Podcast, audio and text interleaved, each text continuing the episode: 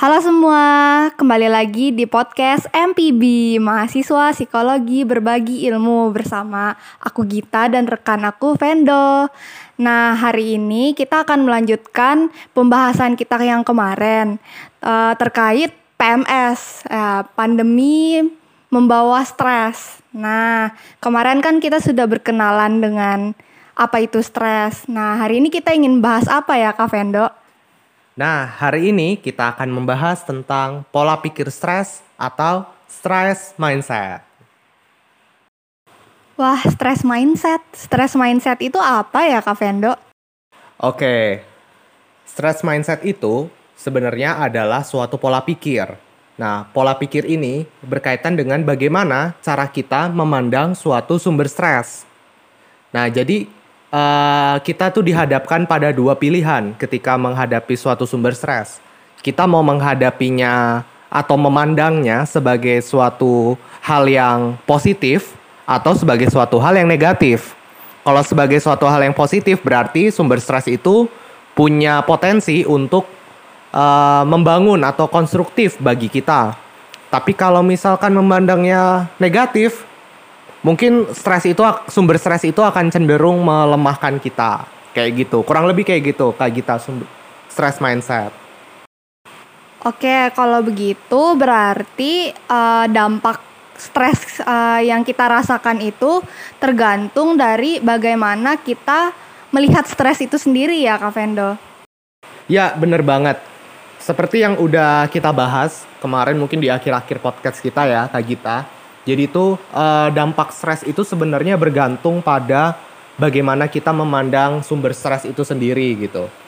Misalnya nih kita memandang sumber stres itu sebagai suatu yang menantang buat kita, sebagai kesempatan kita untuk berkembang. Misal kayak pandemi ini, kita pandang sebagai suatu kesempatan untuk berinovasi gitu atau mempelajari hal-hal yang berkaitan dengan uh, digital atau teknologi Nah itu mungkin akan membuat kita jadi terdorong untuk uh, punya semangat gitu. Nah kayak gitu contohnya. Tapi kalau kita memandang pandemi ini menyusahkan, pandemi ini uh, membebani kita, nah kita akan cenderung jadi uh, mungkin kayak malas gitulah untuk menghadapi pandemi ini gitu, untuk menghadapi sumber stres itu, kayak gitu.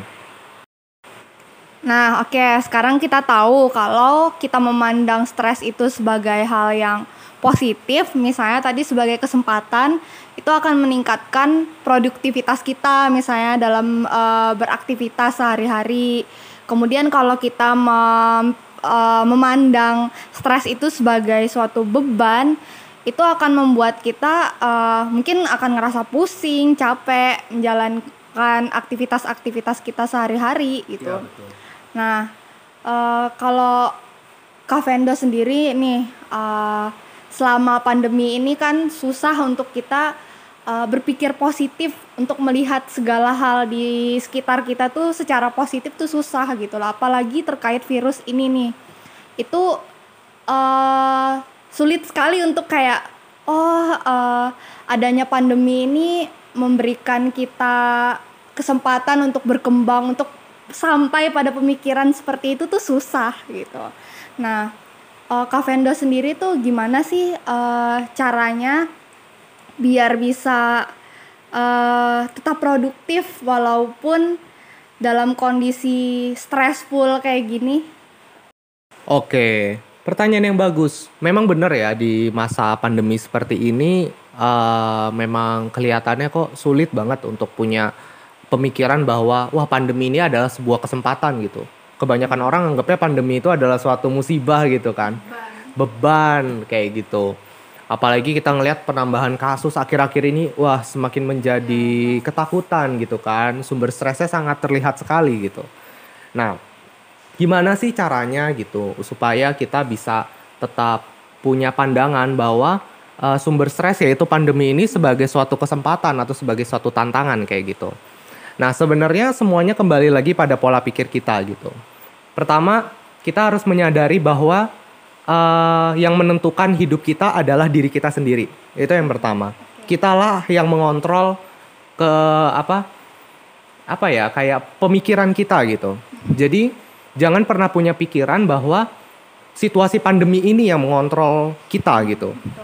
Kita yang harus punya kuasa untuk ya untuk melakukan banyak hal gitu, bisa dibilang. Itu dulu, harus punya kesadaran itu dulu.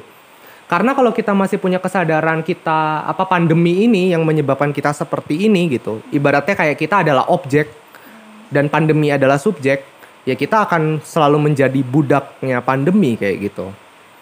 Itu, itu dulu. Nah terus yang nggak kalah penting nih Kak Gita dan mungkin buat rekan-rekan semua itu kita perlu uh, kalau saya pernah baca itu kita perlu istirahat. Nah mungkin yang dimaksud istirahat di sini adalah kita perlu tenang Kak Gita. Jadi ketika menghadapi suatu situasi yang stressful seperti ini gitu, yang penuh ancaman seperti ini mungkin kita harus tenang dulu gitu. Nggak bisa gerasak gerusuk kalau bahasa awamnya gitu ya kita tenang dulu, tarik nafas dulu supaya kita bisa memikirkan cara untuk menghadapinya seperti apa gitu. Itu dulu. Lalu setelah kita udah bisa tenang, kita coba pelan-pelan untuk uh, mungkin membuat list gitu ya.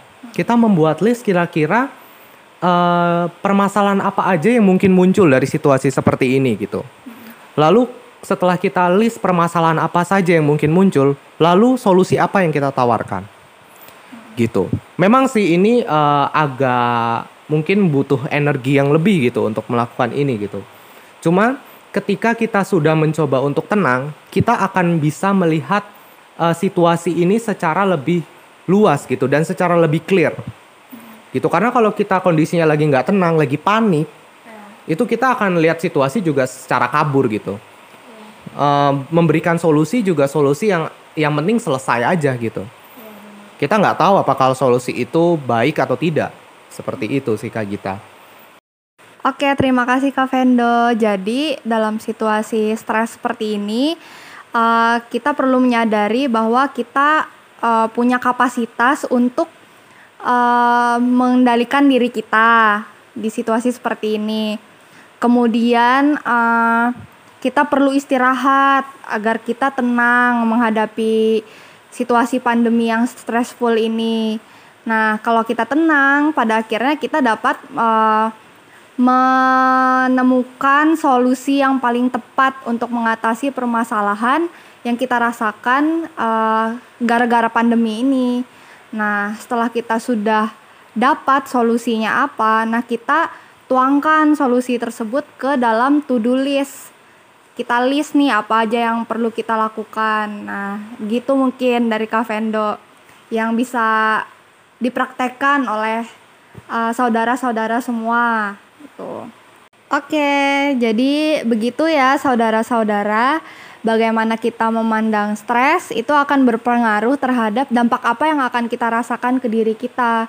Jika kita memandang stres sebagai hal yang positif, sebagai tadi kesempatan contohnya, maka kita akan mendapatkan dampak yang positif juga jadi lebih produktif misalnya kemudian uh, jika kita memandang stres itu sebagai hal yang negatif misalnya beban itu akan membuat kita pada akhirnya merasakan dampak-dampak yang negatif pula. Misalnya tidak produktif menjalankan aktivitas-aktivitas kita. Nah semoga uh, uh, apa yang kami bagikan di podcast ini dapat berguna bagi saudara-saudara sekalian yang kemudian uh, bisa membantu uh, saudara-saudara sekalian untuk melihat stres sebagai hal yang positif begitu. Terima kasih sampai jumpa untuk episode-episode selanjutnya. Bye. Bye.